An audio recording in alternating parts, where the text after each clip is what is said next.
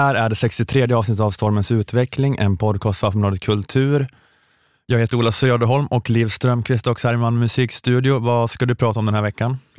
Eh, jag tänkte prata lite om eh, några artiklar som jag har läst i Svenska Dagbladet som handlar om eh, vilka problem man kan ha. Romantiska problem med att hitta en livspartner i samtiden. typ. Okej, okay, det kommer sen då. Och så kör vi, kör vi min grej först här. Jag tänkte jag ska prata lite den här veckan om hur ändrad affärsmodell för medieföretagen kan påverka journalistiken. Mm -hmm. Jag kan jag kan börja den här änden, att det var så att eh, Expressen eh, hade en text där Rasmus Fleischer analyserade Martin Hägglunds bok Vårt enda liv. Mm. Eh, och texten då handlade om marxismens värdekritiska tradition och om hur Hägglund med hjälp av Hegel och Marx vill avskaffa lönarbete och införa det han kallar verklig demokrati. Mm. Det Hägglund kallar verklig demokrati. Och Det här låter som något jag vill läsa, tänkte jag. Mm. Men det var bakom betalvägg. Okej. Fan vad tråkigt. Så det... du kan inte få reda på vad som, hur verklig demokrati Nej. ska uppnås? Nej, precis. Men du kan inte tänka dig att betala då? Eh, ja, men kanske. Eh, kanske måste jag det. Men eh, för det är ju så nu allt mer. Och nu, ja, då kanske det är så att jag måste köpa premium för Expressen också. Mm. Jag har ju ändå ett antal redan, mm. men nu blir det Expressen också. Det blir allt vanligare det här, eh, men jag får kanske göra det så jag kan läsa den här eh, Fleischer-texten. Men sen måste jag också säga det som jag har sagt tidigare, att jag tycker att det är helt sinnessjukt att jag inte får alla de här inloggen gratis. Alltså det är helt, det är helt oacceptabelt. Alltså det är som att modeinfluencers får liksom kläder skickade till sig gratis. Mm. Alltså då borde väl jag få alla tidningsinlogg skickade hur... till mig. helt, Alltså jag gick ut för ett år sedan och klagade på det här och det har fortfarande ja. det har inte hänt någonting. Det är väldigt tråkigt att höra Ola. Men jag har hört också att det är en liten myt att folk får saker gratis. Att det är inte så mycket så att folk får saker gratis. Inte ens influencers. Mm. Det kanske inte är så. Men det är väl att man får inte det man själv vill ha utan man får någonting som eh, någon liksom har ett överskott av. Ja, ja. men jag har alltså, inte ens en... fått inlogg till Barometern eller Gefle Dagblad. Då borde jag få det åtminstone. Det är väl inte så viktigt, Ola? Det är väl inte så Nej. viktigt som du själv tror? Mm, mm, mm, ja. ja, inte vet jag. Ja, man kanske kan leka med den tanken. Ja, ja. Nej, men jag vet inte. Men ja, det, det, var, det var bara en parentes, men jag vill bara säga en gång till att jag tycker att det är helt oacceptabelt att jag inte har fått de här inloggen gratis. Ja, men grejen är i alla fall då att det blir allt vanligare med betalväggarna. Eh, och jag läste en analys av vad den här utvecklingen innebär Eh, skriven av eh, Antonio Garcia Martinez, som jag också refererade till i förra avsnittet, ja. som vi gjorde för två veckor sedan. Precis. Vår, ja, näst senaste. Och eh, Garcia Martinez, han är en före detta tech-entreprenör som arbetat för Facebook, men nu är skribent i sådana frågor om media och teknologi i till exempel tidningen Wired. Och han har gett ut boken Chaos Monkeys om Silicon Valley-kulturen Ja, det var att jag refererade till honom för att han hade varit en kritiker av den här Netflix-dokumentären, The Social Dilemma. Men han och ett par andra personer som är som honom, de har en blogg som heter The Pull Request, eller blogg, jag vet inte vad man ska kalla det, det är på det här substack.com, vet du vad det är? Nej. Substack, Nej. det är någon slags publiceringsplattform som används nu, mm. där man kan göra nyhetsbrev och sin egna sajt. Jag vet inte exakt vad det är. Mm. Vi kan kalla det att det är en blogg som de har, där mm. de publicerar analyser som heter The Pull Request, eh, heter deras då blogg. The Sub. Pull Request. The Pull Request heter deras blogg som mm. ligger på Substack, om man vill försöka googla upp det här. I alla fall där publicerade han ett långt inlägg med rubriken Twilight of the Media Elites, som bland annat analyserade den här eh, betalvägsutvecklingen. Och Det är då i en amerikansk kontext, så det kanske inte helt applicerbart på den svenska situationen, men ändå. Men, men han påpekade bland annat det att eh, coronakrisen har nu accelererat trenden som redan fanns eh, inom nyhetsjournalistiken, att eh, affärsmodellen annonsintäkter eh, allt mer ersätts av prenumerationer, av betalväggar. Mm. Att den är liksom döende, den här då, journalistiken som kan leva, leva på annonsintäkter att det har blivit allt svårare och svårare. Det en sån, varit en sån total krasch då i intäkterna under corona, som kanske delvis är tillfällig, men att det också har varit en längre utveckling sedan millennieskiftet med att de här äh, gamla papperstidningsannonserna plus då också prenumerationsintäkterna från det. Har, de, de, de digitala annonserna har inte kunnat ersätta det. Nej. Så att säga. All, de intäkterna har inte alls kunnat Mm. vara på samma nivå. Men, ja, men att det är döende med annonsdriven eh, nyhetsjournalistik, annonsfinansierad nyhetsjournalistik. Och Frågan är då vad det gör med journalistiken. Mm. Att Garcia Martinez eh, skriver här att kunden får alltid det kunden vill ha. Och i en annonsdriven affärsmodell, då är det annonsörerna som är de verkliga kunderna. Ja. Och det, och det är verkligen sant om tidningarna på internet innan betalväggarna. Att då var det 100% annonsdrivet. Men det är också mestadels sant om papperstidningarna liksom under 1900-talet, under senare delen av 1900-talet, att intäkterna kom från annonser snarare än prenumerationer. Mhm. Och så, såklart också samma med reklam-tv och reklamradio, att Mm. intäkterna kom från annonser.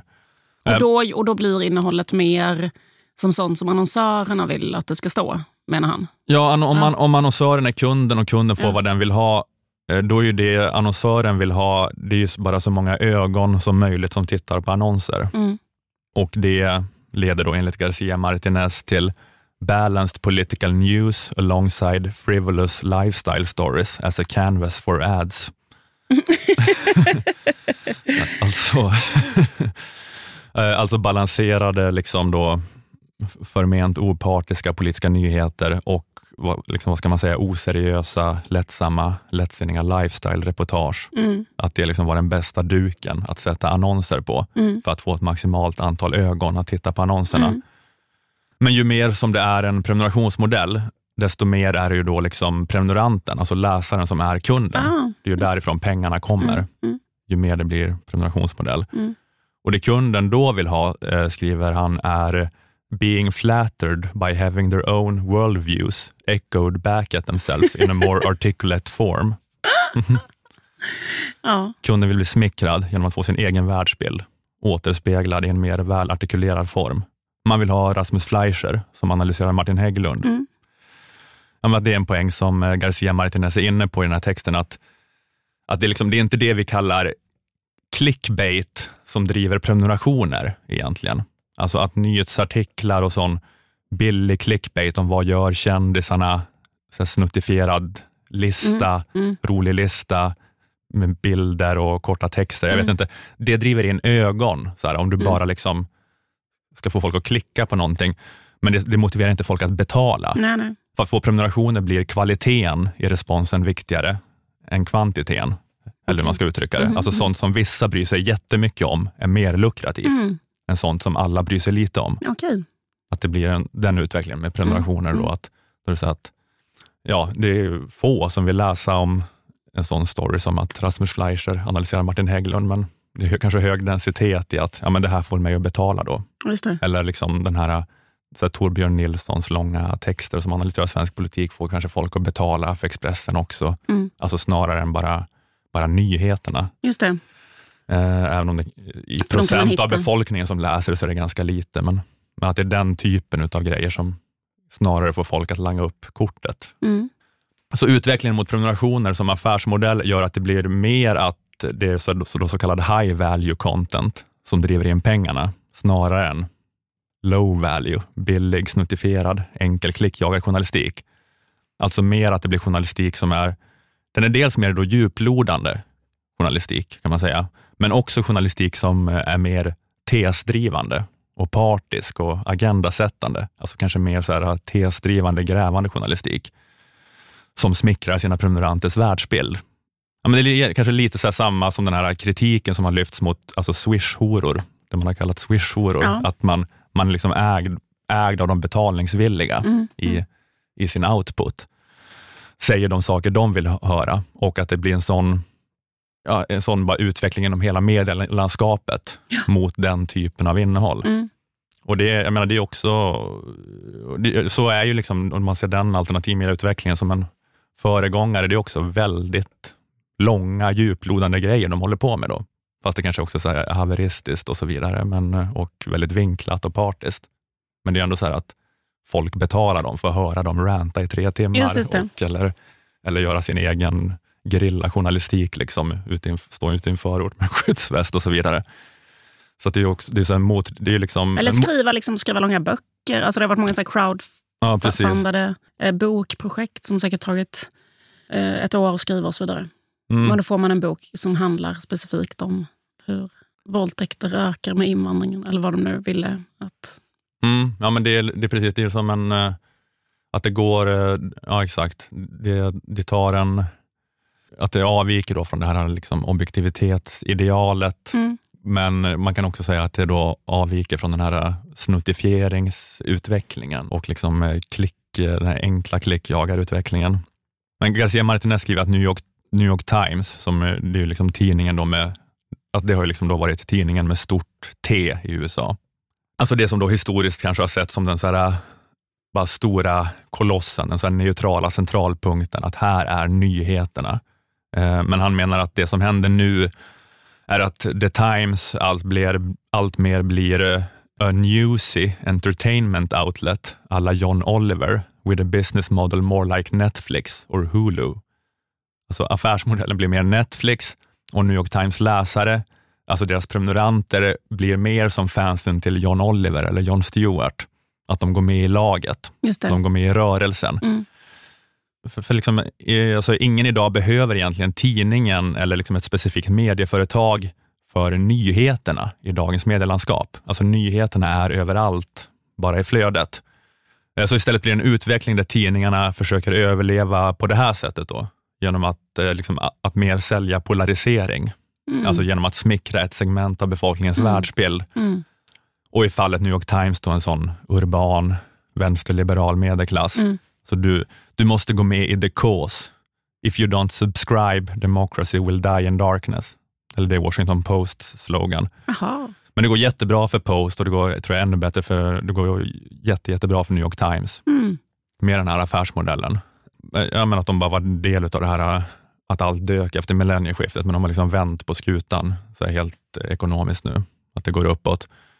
Men anledningen till att de här människorna alltså kastar prenumerationspengar på dem, alltså det handlar ju inte om att det här democracy dies in darkness. Det handlar inte om att de älskar abstrakta principer om, om liksom en fri och oberoende press, utan det handlar ju om att de vill se en ändlös roast av Donald Trump och det är det de får. Ja, men det, är, det är kanske lite så du, du, kommer liksom, att det är en sån utveckling då, att du kommer allt mer ha en så konsumtion av journalistik, alltså som är som, kanske som din konsumtion av fackböcker är. Ja, ja. Och min. Alltså du vet, man köper sånt som ska reflektera sin värld, ens världsbild. Liksom. Varför säger du just min konsumtion av fackböcker? Nej, men jag sa min också. jag läste ja. faktiskt genusdoktrinen i våras. Ja, just det.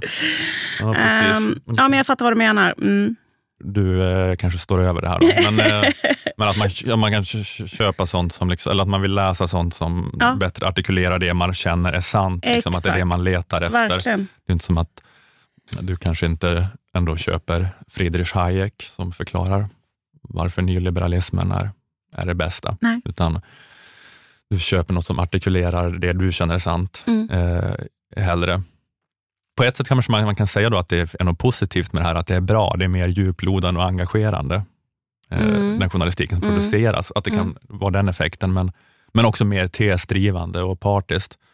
Och också då med det här att det är mer alla Netflix, alltså det är den här äh, fokuseringen på storytelling och juicy narrativ, alltså hela det här äh, This American Life, P3 dokumentärberättandet. Att New York Times satsar också nu mycket på ljud och rörlig bild. De har poddar och en streamingservice som, även om den har börjat eller den ska vara på gång snart. Uh, Garcia Martinez citerar New York Times-journalisten Ben Smith som skriver att The paper is in the midst of an evolution from the stodgy paper of record into a juicy collection of great narratives on the web and streaming services. Alltså att New York Times går från den här bastanta, torra, the paper of record, alltså bara, bara nyheterna mm. som rapporterar vad som har hänt. Eh, de går från det till en samling av så här äh, härliga, fantastiska historier eh, och liksom medryckande narrativ. Mm. Att all, alla gör typ Tiger King Just för lite olika målgrupper i framtiden. ja, visst. Att, att, det är så det är. Ja. Att det är det en prenumerationsbaserad affärsmodell leder till. Ja, visst. Det är det folk vill pynta för. Mm. Eh, man vill se Tiger King. Mm.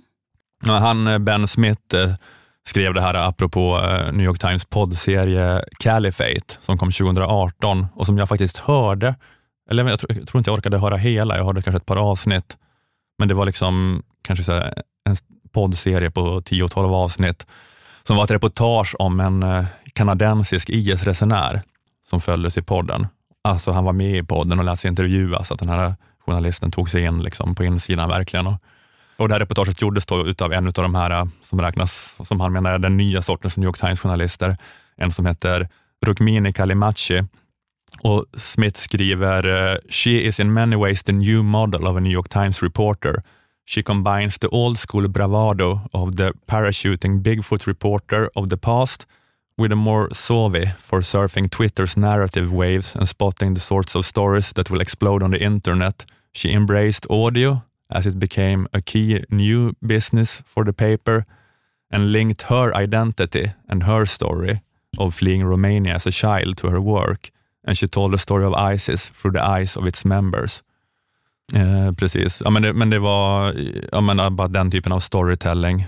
Ja, men väldigt mycket en sån då, This American Life-anda kan man säga.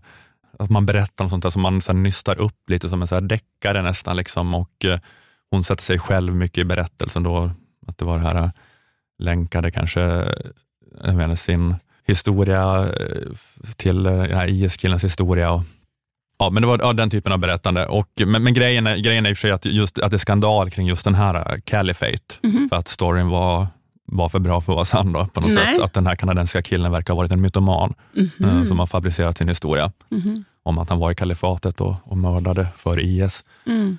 Så jag, jag är inte helt insatt i alla turer, men att det håller på att utreds nu. Att det var något eh, som inte var, verkar helt rätt med det. Eh, Garcia Martinez skriver i en annan artikel i tidningen Wired, eh, som är då om det är ett magasin som fokuserar mycket på teknologi och, och, internet och så. Men han skrev en artikel där med rubrik, rubriken “Journalism isn't dying, it's returning to its roots”. Eh, journalistiken dör inte, den återvänder sina, till sina rötter. Och att, då att rötterna är partisk journalistik. Mm. Att, uh, det, var, det var inne på det också i avsnitt 38 då jag då jag pratade om Christopher Lash eh, och hans bok Eliternas uppror, mm. men att Lash menade på att han menade på att det liksom var att föredra hur 1800-talspressen var i USA jämfört med hur den är idag, eller hur den var 1994 snarare då, då Lash skrev sin bok. Men grejen då var då att 1800-talspressen mycket mer var som en variant på vår alternativ mediasfär. Att eh, det var öppet partiska tidningar, partipolitiskt finansierad journalistik Eh, Lash eh, skriver, de försökte inte dölja sina åsikter eller dra en skarp gräns mellan nyheter och redaktionellt innehåll. Deras tidningar var åsiktsfora eh, där läsarna väntade sig en klart definierad uppfattning parad med obarmhärtig kritik av motsatta uppfattningar. Och så skriver han att det är ingen tillfällighet att journalistik av detta slag blomstrade mellan 1830 och 1900, då det folkliga deltagandet i politiken stod som högst. Av de röstberättigade gick 80 procent till valurnorna i presidentvalen. Uh, man, alltså Lash menade liksom på att det var bättre för demokratin med den typen av journalistik. Att uh, det drev det folkliga deltagandet och det aktiva medborgarskapet mer när det var liksom den här polariseringen och livliga debatten. Att det ledde till mer kunniga och kompetenta medborgare. När alla deltog och var, alla deltog och var med i ett lag, snarare än att bara vara passiva mottagare mm. av nyheterna som kom liksom från elfenbenstornet. Och eh, Garcia Martinez eh, skriver lite i samma anda i den här Wired-artikeln, att den här eh, oron nu från så här gammal etablissemangsmedia, att de har den här oron att det är ett hot mot demokratin, att journalistiken som den sett ut under 1900-talet, att den dör. Men att Garcia Martinez skriver att det är lite ironiskt, för om man skulle kunna teleportera arkitekterna bakom den amerikanska demokratin, alltså till exempel Ben Franklin och Samuel Adams, som båda var tidningsmän, och grundlagsfäder. De var med och grundade den amerikanska demokratin. Om man skulle teleportera Franklin och Adams från 1787 till idag, så skulle de se liksom den här, det här faktagranskande, objektivitetssträvande, lyssna på båda sidor, journalistiska ekosystemet, de skulle se det som helt främmande. Alltså Adams och Franklin var tidningsmän, men de var mycket mer av aktivister och shitposters och nättroll mm. då, men utan nät. Men att Franklin skrev under tolv olika pseudonymer. Eh, Adams var med och iscensatte Boston Tea Party själv och sen så skrev han också artikeln om det. Liksom. Han Mhm, rapporterade om det mm. själv i sin egen tidning. Så de skulle inte alls liksom känna igen det här, eh, ja, men det här eh, 1900-talsidealet. Men däremot skulle Franklin och Adams bättre förstå Twitter och bloggosfären Mm. och partiska nyhetssajter. Mm. Att han menar liksom på att Benjamin Franklin skulle kanske haft ett eget så här partiskt nyhetsprogram byggt runt sig själv, ungefär som Ben Shapiros The Daily Wire. Han skulle haft en podd som Chapo Trap House. Han skulle haft massa anonyma Twitterkonton och bara kört. Mm. Att vad då journalistiken är döende, skulle grundlagsfäderna säga. Den blomstrar ju som på vår tid. Så skulle de se på det som sker nu. Men, men, men Garcia Martinez skriver att det var så då i USA fram till år 1900 ungefär, att de flesta nyhetstidningarna var öppet politiska. Men skiftet som gjorde att de slutade vara det hängde liksom, eh, enligt Garcia Martinez ihop med eh, framväxten av masskonsumtionssamhället och med det då en större, liksom större efterfrågan på annonser. Så tidningarna svarade på det genom att öka antalet annonser i, i relation till innehåll. Och man tonade ner partiskheten då för att kunna öka cirkulationen av tidningen, öka spridningen av tidningen, för att fler ögon skulle se annonserna. Just det. Alltså det skulle inte längre vara det här kampanjorganet som några älskade och alla andra hatade, Mm. utan mer något som alla skulle kunna läsa. Mm. Men han menar då att de här specifika ekonomiska, politiska och teknologiska förutsättningarna som skapade den här gyllene eran för journalistiken, alltså de förutsättningarna är borta nu. Och, och också för den delen att de som säger att vår demokrati, då, den amerikanska demokratin då i det här fallet, att den kräver precis den här typen av journalistik som vi haft senaste århundradet. De människorna behöver förklara hur den amerikanska republiken kunde överleva första århundradet då man liksom hade, hade, hade den här partiska shitposter-journalistiken. Men, eh, ja, jag vet inte, men, det, men det här att annonsintäkterna faller och annonsdriven journalistik dör. Och så här, varför går det inte att ha annonsintäkter på samma vis längre? Jag, eller jag, jag, jag säger inte jättebra koll på liksom hela den utvecklingen. Alltså det, det har varit så ett stort dyk i annonsintäkter nu på grund av corona, men att det också då har varit den här tidningskrisen sedan millennieskiftet och kraftig minskning i annonsintäkterna. Att de digitala annonsintäkterna har inte alls liksom kunnat ersätta papperserans kombinerade annonsintäkter och prenumerationer. Och en grej många menar på är väl att det här är det är en utveckling som gjorts värre av att Facebook och Google får alla annonsintäkter nu. Alltså att företagen annonserar där istället. Men att det, alltså att det kanske är tidningarnas innehåll som driver trafiken på Facebook. Men Facebook tar alla annonspengarna. Mm. Men eh, så, ja, och, och, och, en annan disclaimer är som sagt att det här är USA. Alltså jag vet inte exakt liksom, hur mycket man direkt kan översätta det till Sverige. En speciell grej med Sverige är ju det här med att eh, public service är så himla st- stort och dominerande i Mm. Sverige. Så det är ju något som så här, eh, gör kanske svenska medielandskapet eh, ganska annorlunda då, att, att det finns och är inte beroende av de här eh, olika typerna av affärsmodeller på samma vis, Nej. utan puttrar på. Men det känns ändå som att det också måste anpassa sig mer till den här typen av journalistik som du beskriver. Mm. De här liksom, med en stark personlig avsändare, att det är ett narrativ, att det liksom... Mm. Ja. Jo, precis. Jo, men de har ju också såklart mål om att driva engagemang. Eller de kan ju Ja. inte bara, ja precis, att de, de vill ju göra det alla andra gör.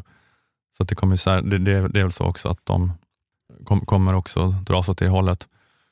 Ja, nej men det är bara, eh, ja, jag, vet inte, jag hade inte tänkt på det, att, det, eller liksom att den här affärsmodellen, eh, eller att det är det som händer med den här utvecklingen då, att, mot prenumeration, att det, att det kommer driva den här typen av journalistik. Och ehm, ja, jag lägger ingen värdering i det. Jag vet inte ifall, det, jag vet inte ifall, det, jag vet inte ifall sammanfattningen är att det är mest bra eller mest dåligt. Man kan eh, välja själv. Man kan välja själv. Precis. Ja, men det är liksom gamla legitimiteten för gammalt etablissemang urholkas. Och de skriker såklart att det är hemskt. Och det kanske det. är hemskt. Det, det kanske ändå är värre det som kommer istället. Jag vet inte. Men, inte. men de talar ju också i egen sak. Det kanske inte alls är hemskt. Det kanske är bättre. Vi kanske får en mer vital demokrati. Jag vet inte. Ja, men välj själv som sagt. Det pågår en eh, slags liten eh, kulturdebatt, kanske man eh, kan säga, om eh, svårigheten att eh, träffa en livspartner i Mm. dagens samhälle. Mm. Eh, bland annat eh, Svenska Dagbladet har haft flera långa texter av skribenter som har skrivit om det samtida romantiska livets problem. Eller har det verkligen varit texter om det samtida romantiska livets problem? Eller har det egentligen bara varit långa kontaktannonser? som de här skribenterna har publicerat i Svenska Dagbladet. Mm. Ja, just det. Då var det flera. Ja. Jag tänker speciellt på Carl Cederström Mm. som i våras publicerade en lång text i SvD som handlade om att han hade börjat leva i celibat. Just det. Min vän Caroline Ringskog Fradanoli gav för typ två år sedan ett raggningstips i vår podd, En varg sin podd. Mm. Och då tipsade hon just om att säga att man lever i celibat. Ja, just det. Ja. Så att om man börjar prata med någon på en fest eller så, så kan det vara ett sätt att göra sig väldigt intressant på väldigt kort tid. Mm. Att säga jag lever i celibat. Ja, det känns som ett ganska uppenbart gamingknep. Då. Att eh, det Specie- känns billigt, men man kan tänka sig att det funkar också. då. Speciellt för heterosexuella killar tror jag det är bra. För att eh, tjejer gillar ju att ha projekt. Mm.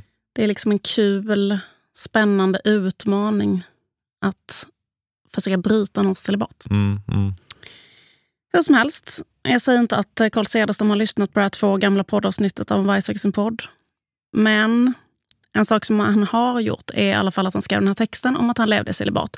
Och artikeln var också bildsatt med väldigt, väldigt, väldigt vackra foton.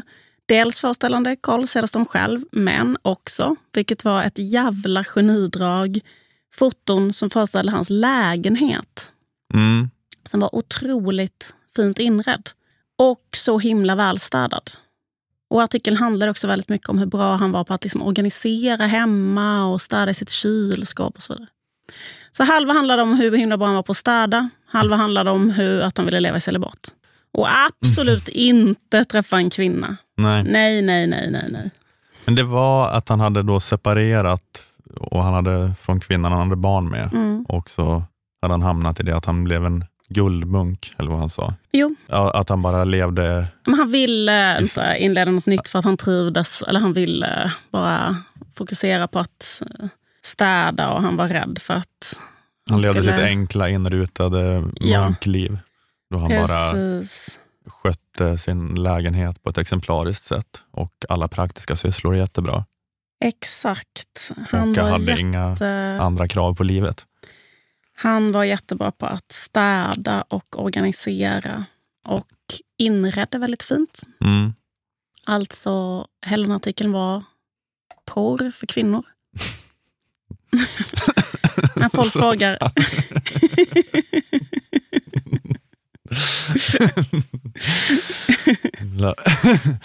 Reaktionär stand-up där. när folk frågar vad, Sveriges ledande misogyna ståuppkomiker. på vilket sätt är det här misogynt? Att kvinnor Nej. skulle älska män som städar. Nej, okej. Mm. Ja. Det var bara, det enda Mm. jag ville säga var att det var en otroligt bra kontaktannons. Ja, ja. Mm. Det var den bästa kontaktannonsen jag sett i hela mitt liv. Hatten av, Carl Cederström förtjänar all sin framgång. Och föga förvånande så fungerar den här kontaktannonsen och nu i höstas så publicerade Carl Cederström en ny text. Den berättade att han nu är lyckligt kär i Sveriges sexigaste tv-producent, Karin af Klintberg. Han ville bara få stopp på de här liksom bara nakenbilderna som bara forsade in i alla hans inkorgar. Det bara har pågått och pågått sedan han publicerade den första artikeln. Damer, nu får ni lugna er. Precis. Det är kört. Karin av Klintberg åkte direkt såklart hem till honom efter hon hade läst den artikeln och eh, sa till honom att hon ville göra ett tv-program om honom som skulle handla om hans celibat. Också jättebra raggningsrubrik. Ja. Jag vill göra en tv-serie om dig. Grattis båda två. Kul. Inte konstigt att fler kulturskribenter nu har känt sig manade att skriva jättelånga texter i Svenska Dagbladet om det samtida romantiska livets problem. Mm. Skribenter får också väldigt dåligt betalt nu för tiden. Så att det tycker jag är, det är klart att de måste få använda sina texter också till något annat än bara som en text. Ja, det är ingen, Utan idé, det är ingen idé att bara skriva för pengar. Nej, utan ja. varför inte också bara använda det som en yta där man kan em, söka efter kontakter. Mm. I veckan publicerade författaren Josefin Holmström en text som också handlar om det här ämnet. Då. Alltså problem i det romantiska livet. Tyvärr så var den här eh, inte bildsatt med foton på henne själv. Mm. Det var synd. Det var illustrationer bara. Det Men hade, Ska det vara sådana stora bilder då hon står vid en vacker köksö? ja, eller något som killar gillar Ja, att just det. tjejer gör. Ja, okej. Hon kanske skulle kunna åka MC. Men var, det var väl en del av poängen i texten också, att, att hon inte ville att hon var trött på att hålla på att vara en så här cool girl. Eller, Mm. eller på det här kravet att man ska vara en cool girl Mm. som ska gör, göra det killar gillar. Exakt, men jag tänker att sista, hon skulle göra ett sista ryck och göra det killar gillar. hon borde ha haft så tajta läderbyxor och suttit på en MC och sen under ska det stå en stor text. Jag vill bara att en kille ska följa med mig till Ikea. Mm, just det. Bara fånga in en kille med ett sista ryck och sen eh, Exakt. vara en jätteocool tjej när man väl är ihop som bara vill åka till Ikea. Mm. Men skit i hur den här texten kommer funka som kontaktannons. Eh, Mm. jag, jag håller tummarna för att det kommer funka. Jag tror säkert i alla fall några kommer nappa på den. Men innehållet i texten handlar om något som Josefin Holmström kallar för kanske-killar. Mm. Hon skriver så här. Mellan 20 och 33 träffade jag män som inte var genomusla.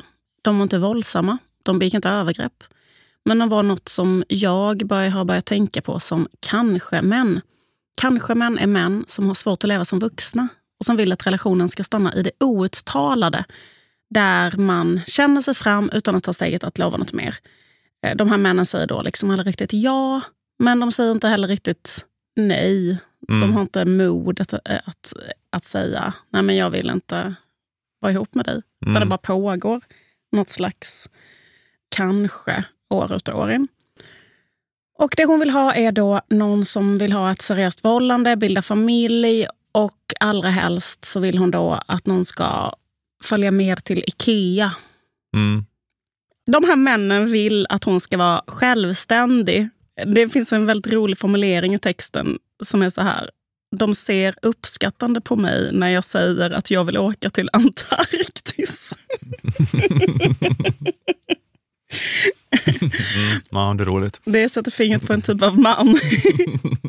Om man vill göra den här typen av man riktigt, riktigt glad så ska man säga jag vill åka till Antarktis. Mm. Ja, nej, men det, ja, det ringar in det bra. Eh, Men varför är det så här? Eh, Varför är det så att hennes dröm är att bilda familj medan de här killarnas dröm är att hon ska åka iväg själv till Antarktis?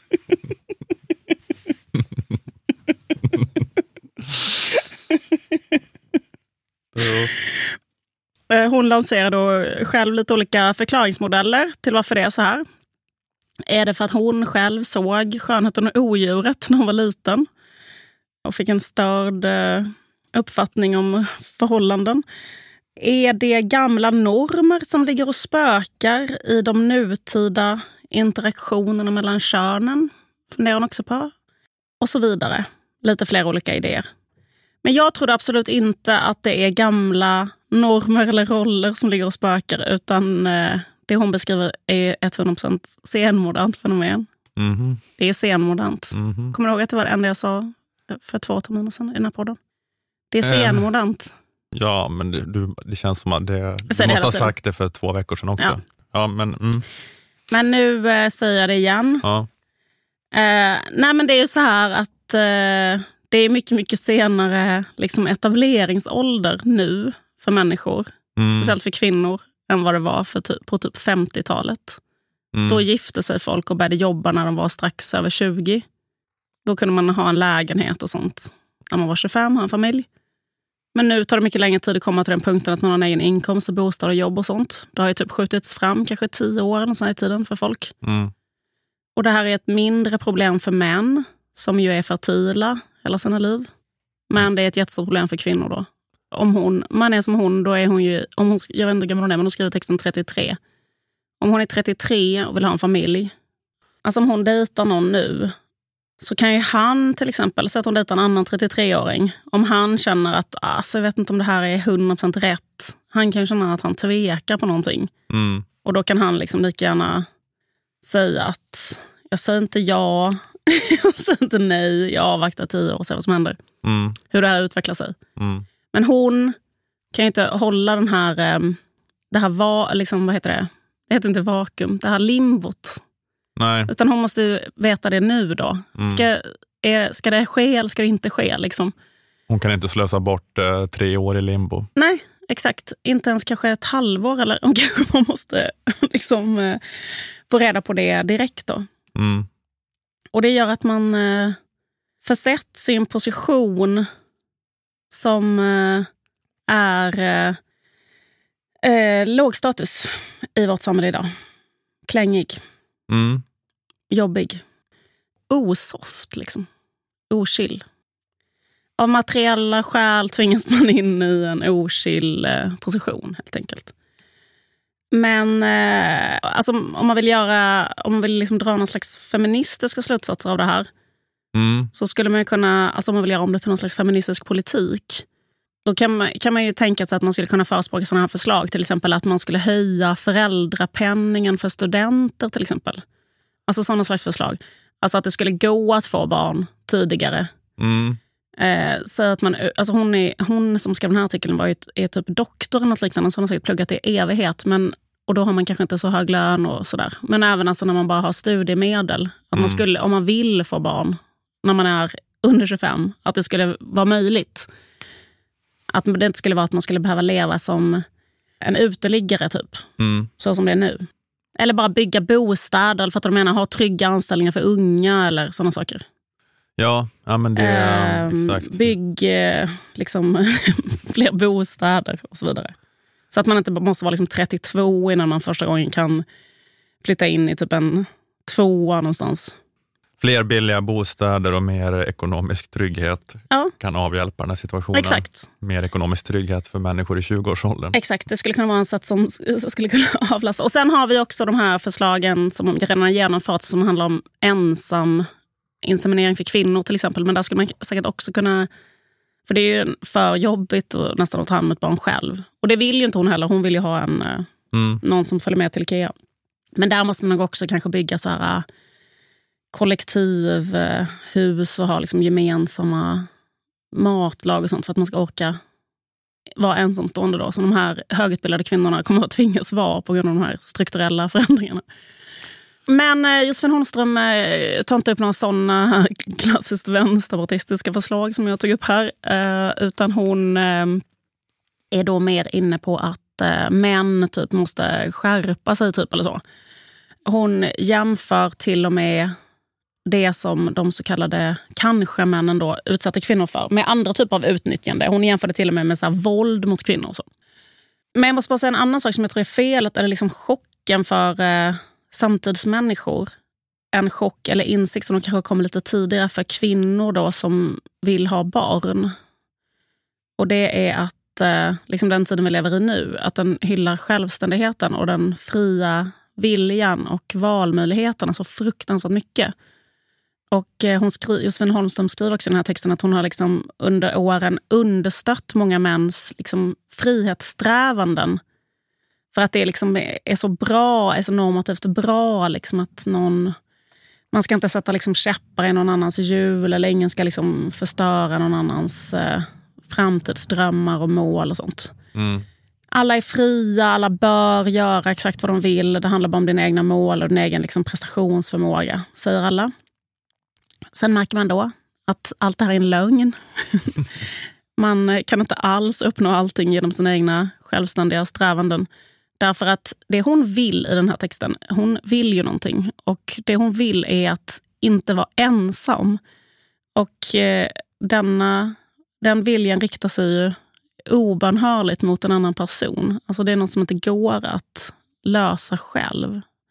Jag kan inte med hjälp av min egen självständighet och drive och ambition lösa att jag inte vill vara ensam.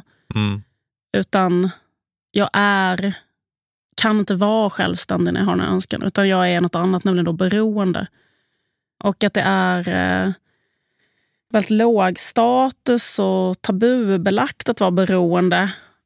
När det egentligen bara är liksom en slags jätte basic, grundläggande insikt av vad en människa är. Liksom.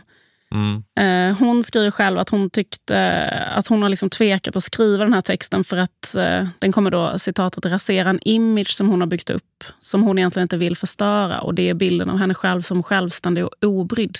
Mm. Men eh, jag bara tror då själv absolut inte att det beror på att hon har tittat på Skönheten och odjuret när hon var liten. Att hon är beroende av andra människor och inte vill vara ensam.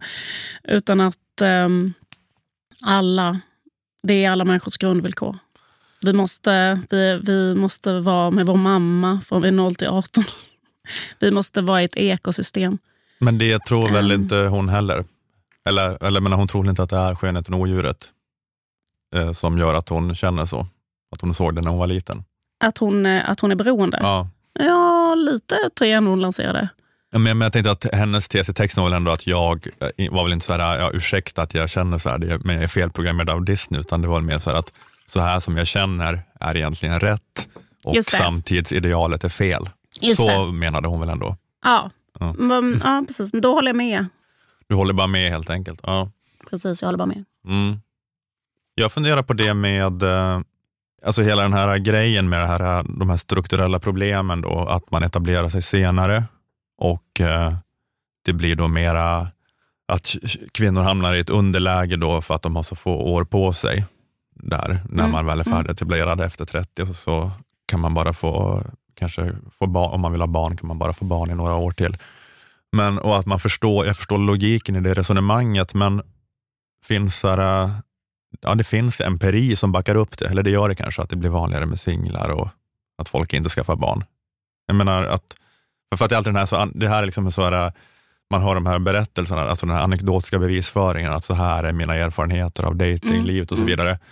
Men, ja, men alltså, min anekdotiska erfarenhet är ju att om jag tänker på typ kanske om tio killar som var mina närmsta kompisar i åldrarna 15 till 25. Mm. De tio, det är ingen av dem som har gjort en karriär som en kanske-man, utan det snarare känns som att, att alla är väldigt inne på nästan så här tvåsamheten som en kyrka och är väldigt så här stadgade. Och, alltså, inte vet jag, eller jag menar, ingen, du kanske ingen, har ingen, väldigt bra öga för såna män som ser tvåsamhet som en kyrka. Du kanske skulle kunna bli anställd som en konsult på någon eh, matchmakingbyrå och hitta så the good men. Ja, ja, men jag, ja, ja kanske. Men, ja, men jag bara undrar, hur ser det ut liksom, i sin helhet? Hur vanligt är det fenomenet att, att det är på det här viset? Att det finns också en sån stark trend att, ja, men jag vet inte, typ att det är så hög status att vara en sån familjeman eller familjekille Absolut, också. ja. Att typ kanske så Alex och Sigge håller väl på mycket så med att de är så man ska vara så extremt kär i är, sin fru. Ja, men exakt, att, Och, att, att, eh, att vara konstigt kär i sin fru. Ja, precis. och eh, jag menar, de är säkert det också, eller jag menar inte så, men jag menar bara att det är också, det känns som ett, sådär, ett, ett, liv, ett ideal, ja, som, alltså att det idealet finns verkligen och att det idealet också har ganska hög status i kulturen och att det kanske snarare kan ses som så pinsamt att vara någon sån 40-åring som bara håller på och Säg jagar, kanske. säger kanske och så här, jagar olika tjejer hela tiden. Och att det är ju liksom högre status att vara då kanske som till exempel Alex och Sigge. Eller, ja, jag, ja, jag vet inte, men jag, jag bara, Ja, vad- hur, hur, hur är det generellt sett? Liksom, vad, vad säger empirin om utvecklingen? Ja, Ja. exakt. Ja, jag vet inte, men jag tror att bara att det här, så här sätter fingret på en erfarenhet. Så här, att, man, att man känner så här, äh, sig totalt obrydd om det här i väldigt många åldrar. Men som en ålder som en tjejkompis till mig sa, jag har aldrig känt mig så förtryckt av killar som mellan 27 och 35 typ. Nej, men Mm, alltså, mm. Och innan dess var man inte alls och efter det kommer man aldrig vara det igen heller. För då, är det liksom redan, då har redan någonting blivit på ett sätt. Förstår du vad jag menar? Då, har det Och så blivit- in- och då blev det antingen så att man inte fick några barn eller, eller så fick man det eller så liksom blev man ihop eller så separerade man eller så skaffade man barn med någon. Alltså så här, men då, då är det redan, alltså efter 40 Mm. så är det redan på något sätt, då har det redan blivit på något sätt. Men eh, just de här åren är så Och här, innan så är det mera jämställd Ja, maktfördelning innan också. eh, Eller vill till- man ju kanske inte Nej. ha barn för Mm. att eh, Mm. Eller vissa vill ju skaffa barn tidigt men jag vet inte. Det känns väl också ganska ovanligt för man känner sig väl också rätt så mycket som ett barn själv jättelänge. Alltså att det känns helt världsfrånvänt liksom att Mm. skaffa ett barn tidigt om man är så här, bor, eller också dels bara bor i något annat kontrakt eller inte riktigt vet vad man själv vill bli i tio år och sådär. Alltså, jag vet inte. Men, eh, men sen, och sen helt plötsligt så slår det till och sen är det typ i två, tre, fyra, fem år bara en situation där man inte upplever att man har samma möjlighet att... Eh, eller att man, att man, att man måste ha liksom besked på ett helt nytt sätt. Eller jag vet inte fan. Mm. Och att man eh, kommer i den här oskilla positionen där man kanske också så här, måste kanske gå med eller liksom acceptera någon form av situation eller deal som inte egentligen känns särskilt bra bara för att om jag inte gör det här nu så är det, då är det kört. Liksom. Mm. Jag tror det är den situationen. Nej, men det är, väl lite, det är lite svårt. För det är, det är också svårt där att säga att ha det där kravet på andra människor. Då, liksom att nej, men Du måste säga direkt om du vill att eh, vi ska skaffa barn och flytta ihop. Alltså, det är också ett jävla krav att ha på en annan människa. Alltså, det går inte att bestämma det så snabbt. Alltså, jag menar, Mm. eller det är rätt så svårt att bestämma det så snabbt Mm. ifall man inte riktigt vet. Så det går inte heller riktigt att införa den normen, även om man skulle vilja då att det skulle anses mer moraliskt fel att... Eh, för det är ju moraliskt fel kan man säga att liksom drag someone along under alla den persons fertila år Mm. utan att, liksom att ha Utan någon... att säga ja utan eller att nej. säga ja eller nej, Ja. utan bara liksom ha den i något konstigt mellanläge Mm. eh, ända tills den, eh, alla dens ägg har eh, förstörts. Mm. Och det- sen gör slut. Ja, men, nej, men liksom, det, och det, men det vet inte jag om det liksom går att göra den normen starkare på något sätt, att det är sinnessjukt. ja, men det är väl en sån eh, längtan efter en sån norm som märks i den här typen av texter Ja. och men också, ja, men lite som du var inne på förut också, att det är en sån backlash mot den sexuella, eller sex, 1968 sexualiteten om man ska säga, för att då finns det i, i det paradigmet finns det inget sätt att säga att det är fel att vara en kille som drag someone along utan att säga ja eller nej under alla dess fertila år. Mm. Men att man vill, att det finns en sån vilja att hitta någon slags moraliskt system eller något språk för bara där man kan säga att det är fel att göra så. Mm. Man får inte göra så. Eller så här, jag har rätt att kräva att liksom få, eftersom det är de här materiella förändringarna då och man bara har den här korta tiden på sig så har jag liksom rätt att kräva ett mycket tidigare beslut än vad som kanske liksom egentligen, nej men så du menar, Mm. i en annan ålder inte hade varit liksom lika viktig. Men sådär, jag vet inte. Men ja, mm, en sån norm. Att det är bara en sån allmän eh, medvetandehöjningskampanj Mm. som metoo är, eller jag vet inte vad, det nu är för någonting. Bara så att det här eh, det ska, bli mera, det ska bara bli mer normalt att få ställa det här kravet. Just det, precis. Det är det vi vill. Det ska bli mer normalt att inte bara... Det ska inte gå att avfärda det som att eh, den här människan är världens mest hysteriska, töntiga, liksom oskilla person. Okej, det, var, det var det. Det var veckans avsnitt. Ni kan eh, mejla betalväggsinlogg till olasoderholm.hotmail.com. Eh, tack till Aftonbladet Kultur. Stormens utveckling är tillbaka om en vecka igen. Hej då! Hej då!